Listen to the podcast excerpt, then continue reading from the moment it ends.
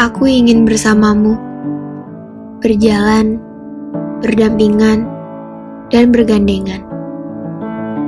Kata mereka, tujuan adalah hal yang penting, tapi tidak untukku. Tidak peduli ada tujuan atau tidak, tidak penting ada arah atau tidak, karena seperti yang kukatakan sebelumnya, aku cuma ingin bersamamu entah di mana ujung jalan ini. Entah kita akan sanggup melewatinya atau tidak. Karena terkadang pelajaran didapat dari perjalanan, bukan hanya dari tujuan. Sudah ku terima semua resikonya. Luka, kecewa, tangis, tawa, semua asal kita bisa sama-sama. Aku ingin berjalan ke akhir perjalanan.